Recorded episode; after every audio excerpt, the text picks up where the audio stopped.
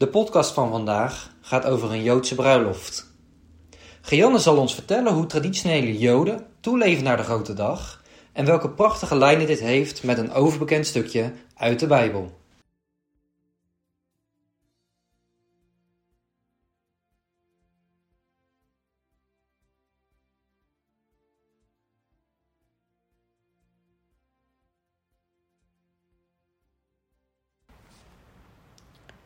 Dat is lang geleden dat ik voor jullie een uh, podcast vol mocht kletsen.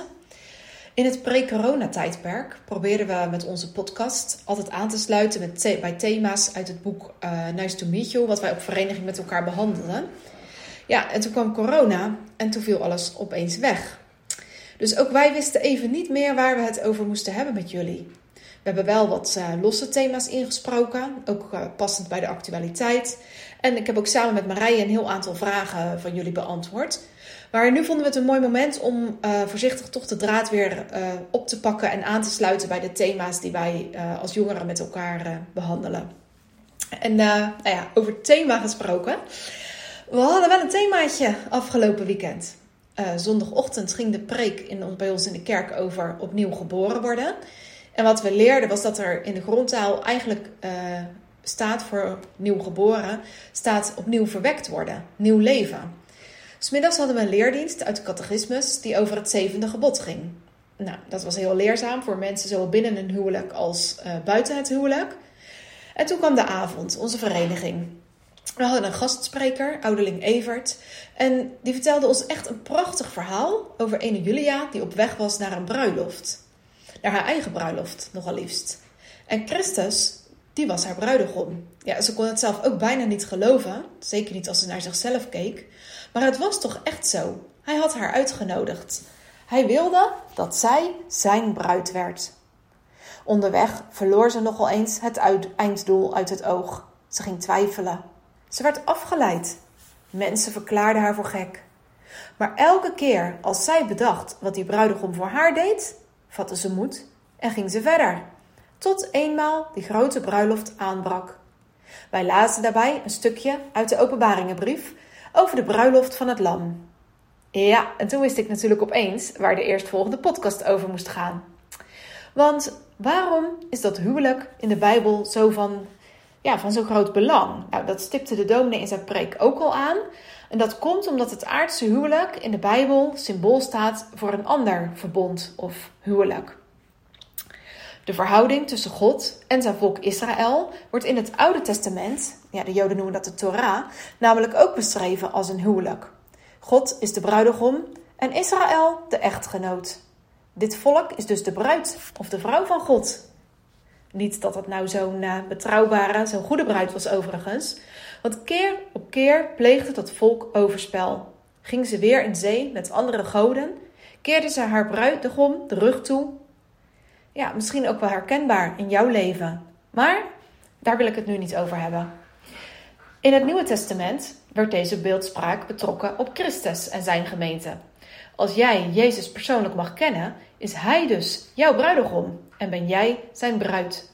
Dan ben je net als Julia uit het verhaal, als het goed is, bezig om je voor te bereiden op dat grote feest. En dat feest, oh daarvan mag je echt duizend procent zeker zijn, dat zal komen. Want Johannes heeft het zelfs al gezien en beschreven voor ons wat hij gezien heeft. En ik hoorde als een stem van een grote schare, en als een stem van veel wateren, en als een stem van sterke donderslagen, zeggende: Halleluja, want de Heere, de Almachtige God, heeft als koning geheerst. Laat ons blij zijn en vreugde bedrijven en hem de heerlijkheid geven. Want de bruiloft van het lam is gekomen en zijn vrouw heeft zichzelf bereid. Haar is gegeven dat ze bekleed wordt met rein en blinkend fijn lijnwaad. Want dit fijne lijnwaad zijn de rechtvaardigmakingen der heiligen. En hij zei tegen mij: Schrijf, zalig zijn zij die geroepen zijn tot het avondmaal van de bruiloft van het Lam. En hij zei tot mij: Deze zijn de waarachtige woorden van God. Nou, ik wil het jullie ook graag een keer uh, voorlezen in gewone taal. Ik zal het meteen ondertussen hier en daar toelichten.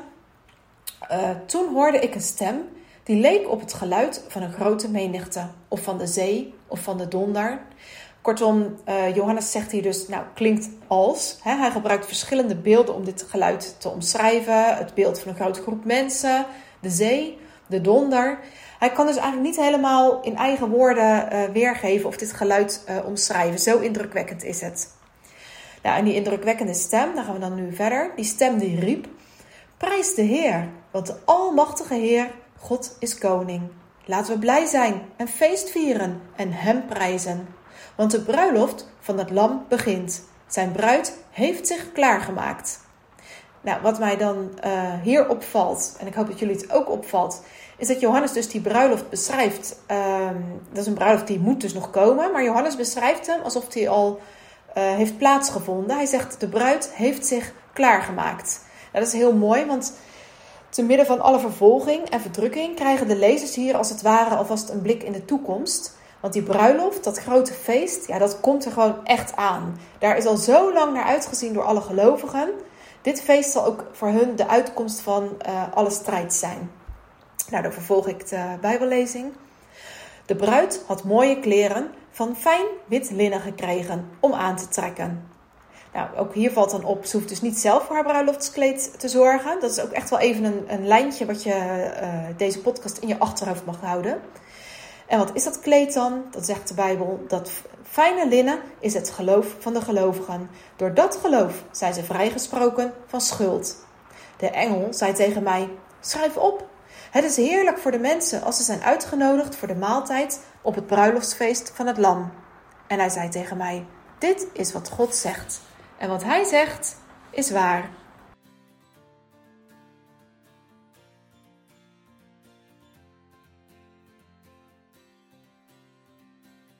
Goed, we hebben een thema. Een bruiloft dus. Verliefd, verloofd, getrouwd. Ja, zo gaat dat bij ons.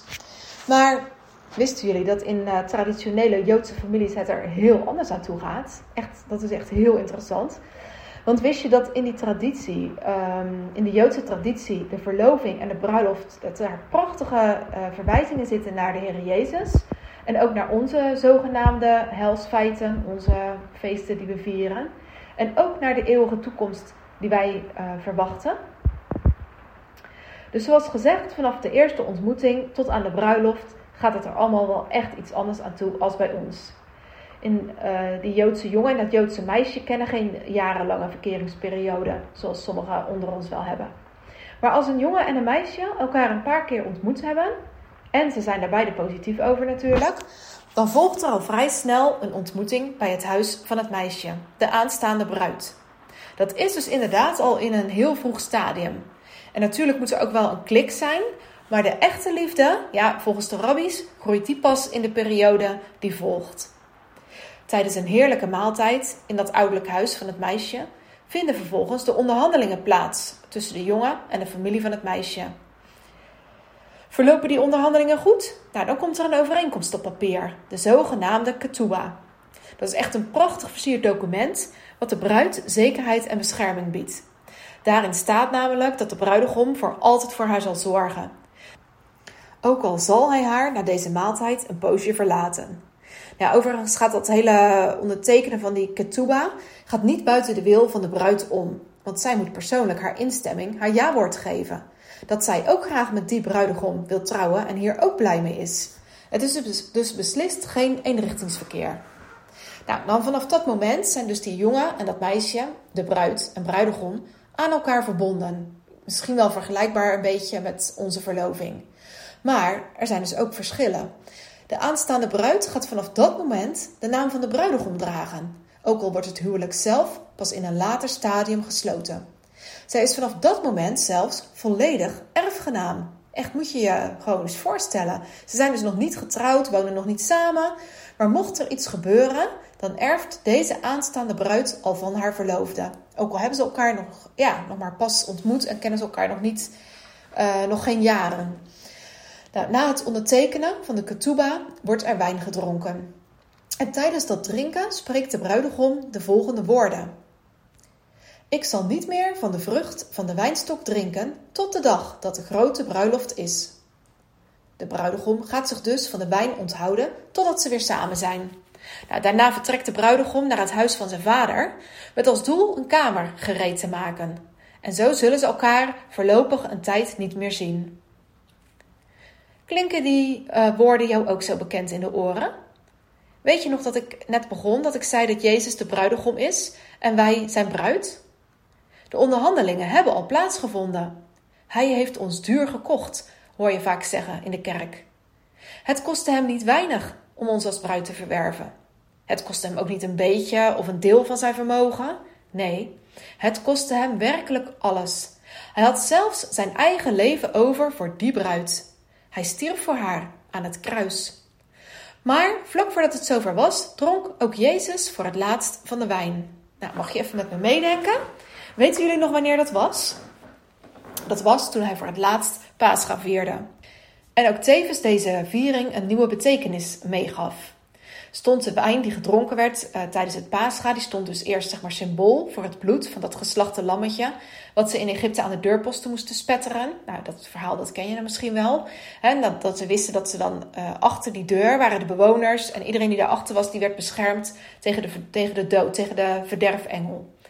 Nou, en toen Jezus uh, met zijn discipelen die maaltijd vierde, wij noemen dat het eerste avondmaal, toen kreeg het drinken van de wijn ook een nieuwe betekenis. Vanaf dat moment wees het ook heen naar het bloed van Christus. Dat bloed dat vloeide in jou en mijn plaats toen hij stierf voor mijn zonden. Ja, zo kocht hij mij als bruid. Hij ondertekende mijn ketua als het ware met zijn eigen bloed. Wow, wat een bruidegom heb ik. Sta hier ook eens even bij stil voor jezelf. Dan zal ik het je ondertussen uit de Bijbel voorlezen. En hij, dus dat is Jezus, nam de drinkbeker. En nadat hij gedankt had, gaf hij hun die en zei: Drink allen daaruit, want dat is mijn bloed. Het bloed van het nieuwe verbond of nieuwe testament, dat voor velen vergoten wordt tot vergeving der zonden. Ja, en nu komt het. En ik zeg u dat ik van nu af aan niet zal drinken van de vrucht van de wijnstok tot op de grote dag, wanneer ik met u dezelfde nieuw zal drinken in het koninkrijk van mijn vader. Kijk, ik, ik weet het natuurlijk niet zeker, maar het kan dus heel goed zijn dat de discipelen precies wisten wat Jezus bedoelde met ik zal niet meer van de vrucht van de wijnstok drinken tot de dag van de grote bruiloft. Hij ging hen dus verlaten. Niet voor altijd, nee, dat zeker niet. Hij ging terug naar het huis van zijn vader, om daar niet één, maar vele kamers gereed te maken voor zijn bruid. En tot de tijd van de grote bruiloft zal hij niet meer van de wijn drinken. Ja, ik weet niet hoe dat jullie vergaat, maar ik vind het echt prachtig, deze symboliek. Jezus, hij wil mijn bruidegom zijn. Hij heeft de akte al ondertekend. Ik mag zijn naam dragen. Sterker nog, ik ben nu al zijn erfgenaam. En ook zo mooi, hij is een kamer voor mij aan het klaarmaken in het huis van zijn vader. Niet alleen voor mij, maar ook voor jullie. Er is plaats genoeg. Nou, hoe ik dat zo zeker weet? Nou, bij deze woorden moet ik ook steeds weer uh, aan een Bijbeltekst denken. Aan wat Jezus zelf heeft gezegd tegen zijn discipelen in Johannes 14, vers 2 en 3. In het huis van mijn vader zijn veel woningen. Als dat niet zo was, zou ik het u gezegd hebben. Mooi, hè? Jezus stelt het eigenlijk echt heel simpel. Hij zegt: hey, als het niet zo was, als er geen plek was voor jou of voor jullie, dan zou ik het gezegd hebben. Maar nou ja, gelukkig is dat niet zo. Er is wel plaats. Meer dan genoeg. In het huis van mijn vader zijn vele woningen. Want als het niet zo was, zou ik het u gezegd hebben. En ik ga heen om een plaats voor u gereed te maken. Maar, net als bij de Joodse bruid en bruidegom, blijft de bruid niet voor altijd alleen achter. Want Jezus die zegt nog meer. En als ik heen gegaan ben en plaats voor u gereed gemaakt heb, kom ik terug en zal u tot mij nemen, opdat ook u zult zijn waar ik ben. Ja, zodat wij mogen zijn waar Hij is. Echt, daar word je toch gewoon stil van. Laat ook dat eens diep tot je doordringen. Die van prachtige, volmaakte, vredevolle, heerlijke plaats. Die plaats waar God woont. Daar wordt een plekje voor jou en mij gereed gemaakt. En straks komt mijn bruidegom terug. Hij haalt mij op. Hij neemt mij mee naar huis. Voor altijd. de Joodse uh, verlovingstraditie van het breken van een bord in twee stukken, is daar een stille getuige van. Hij een stuk en zij een stuk. Straks komt het goed. Het past weer in elkaar. En dan zijn we voor altijd samen. Ja, de bruidegom is vertrokken. En de bruid, ja, die blijft alleen achter. Nou, en misschien vraag jij jezelf dan uh, wel af, net als dat ik dat even had, wordt ze daar dan niet super onzeker van? Hè? Want zo goed kent ze hem nog niet. Nu ze hem een post niet zal zien, straks gaat hij iemand anders leuk vinden of uh, ja, komt hij echt wel terug? Herkenbare vragen, toch? Maar nee, zo gaat het niet. De bruid blijft dus helemaal niet onzeker achter. Zij is juist door al die symboliek heen verzekerd van zijn liefde en trouw. Want ze weet, hij houdt van mij en hij gaat een plek voor mij gereed maken. Hij komt terug om mij op te halen. Hij heeft het contract al getekend waarin hij al zijn bezittingen met haar zal delen.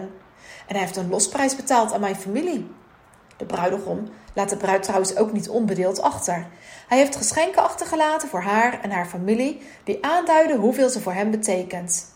En hij werkt aan een toekomst voor hen samen. Nou, ook de bruid die gaat uh, aan de slag. Zij gaat haar trouwjurk maken. Nou, ik denk dat het bijna overbodig is om te vermelden dat het een prachtig kleed gaat worden. En de kleur wit, symbool voor haar zuiverheid en reinheid. Het is dit jaar 3332 jaar geleden dat God trouwde met het volk Israël bij de berg Horeb in de woestijn. Hij sprak zijn trouw uit naar Israël. Hij zou haar nooit verlaten. En zelfs door het overspel van het volk Israël heen is God trouw gebleven en nog steeds verbonden met zijn bruid. Deze hele bruiloftsceremonie vol symboliek die getuigt hiervan. En Jezus vervulde dit eeuwen later. Dat was toen hij na het betalen van de losprijs met zijn eigen bloed en na zijn opstanding uit de dood met hemelvaart opvoer ten hemel. Ja, hij ging terug naar het huis van zijn vader. Maar hij liet ons, zijn bruid, niet onzeker achter. Hij maakt een kamer gereed en komt terug om ons op te halen. Hij gaf ons zelfs een onderpand, de Heilige Geest.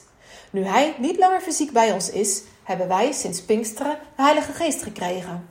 Ja, en zelfs als wij uh, ontrouw zijn, dus net als het volk Israël, als een overspelige bruid, dan blijft Hij trouw. Want Zijn ja-woord aan ons, dat zal Hij nooit meer ongedaan maken. Ja, en wat is dan intussen tijd onze taak? Dat is om ons voor te bereiden, gereed te maken. En God zij dank hoeven wij ons bruiloftskleed niet zelf te maken zoals de Joodse bruid. Want ik weet niet hoe dat jou uh, vergaat. Zuiver, rein, heilig, smetteloos. Ja, God vraagt dat allemaal van mij.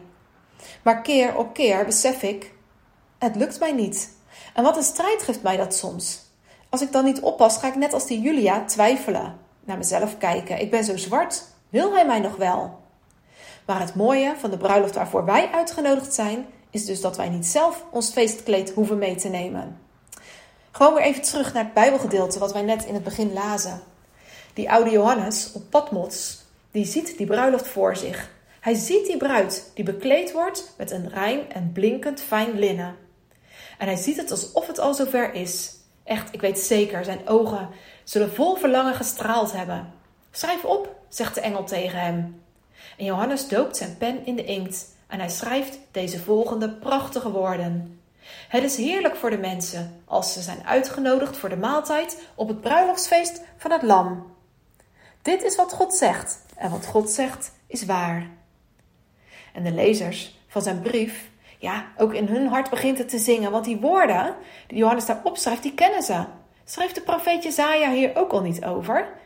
In uh, hoofdstuk 61, vers 10. Ik ben zeer vrolijk in de Heere. Mijn ziel verheugt zich in mijn God. Want Hij heeft mij bekleed met de klederen van het hel. De mantel van gerechtigheid heeft Hij mij omgedaan. Ja, zoals een bruidegom zich bekleedt met priesterlijk hoofdsieraad en een bruid zich tooit met haar sieraden. De bruid krijgt dus haar kleding van de bruidegom.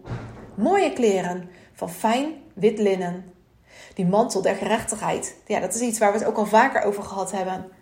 Uh, misschien weten jullie dat nog wel, die ene keer dat hadden we Arno in zijn zwarte outfit. Dat zwart als symbool voor de zonde. En toen kwam dat grote witte kleed. Dat ging helemaal om hem heen. Hij kon zelf toen zijn zonde nog wel zien, maar wij als groep zagen ze niet meer. Wij zagen alleen nog maar dat witte kleed. En de bruidegom, die ziet de zonde van haar bruid ook niet meer. Hij ziet alleen maar zijn stralende bruid in dat prachtige kleed. Door het geloof in hem is zij vrijgekocht, vrijgekocht en vrijgesproken van haar schuld. Wat een onbeschrijfelijk fantastische bruidegom hebben wij toch. En wat kun je dan uitzien naar die grote dag? De dag van de bruiloft, als Jezus wederkomt? Dan komt hij om ons voor altijd thuis te halen.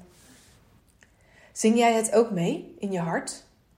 Wanneer komt de dag? Wanneer, o God, zal de nacht voorgoed ten einde zijn? Komt de tijd dat alles anders wordt, er geen tranen en geen rouw meer zijn? Iedereen zal zien hoe Jezus komt, op de wolken met bazuingeschal, vol van luister, stralend als de zon. Heer, hoe lang nog voor u komen zal? Heel mijn hart juicht als ik u, de bruidegom, ontmoet. Wat een vreugde dat u bij mij blijft, voor goed. Dan kniel ik neer voor u, mijn Heer, Jezus. Wacht toch niet langer, kom. Heer, wij zien met groot verlangen uit naar het eeuwig koninkrijk van God, waar uw kerk zal stralen als uw bruid, met haar bruidegom verenigd wordt. Hef je handen op en kijk omhoog.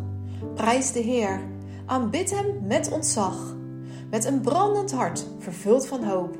Jezus komt, er is een nieuwe dag. Niets is beter dan bij u te zijn. Wat een vreugde om te leven zonder pijn. Dan kniel ik neer voor u, mijn Heer. Jezus, wacht toch niet langer. Kom. Jezus, wacht toch niet langer. Kom.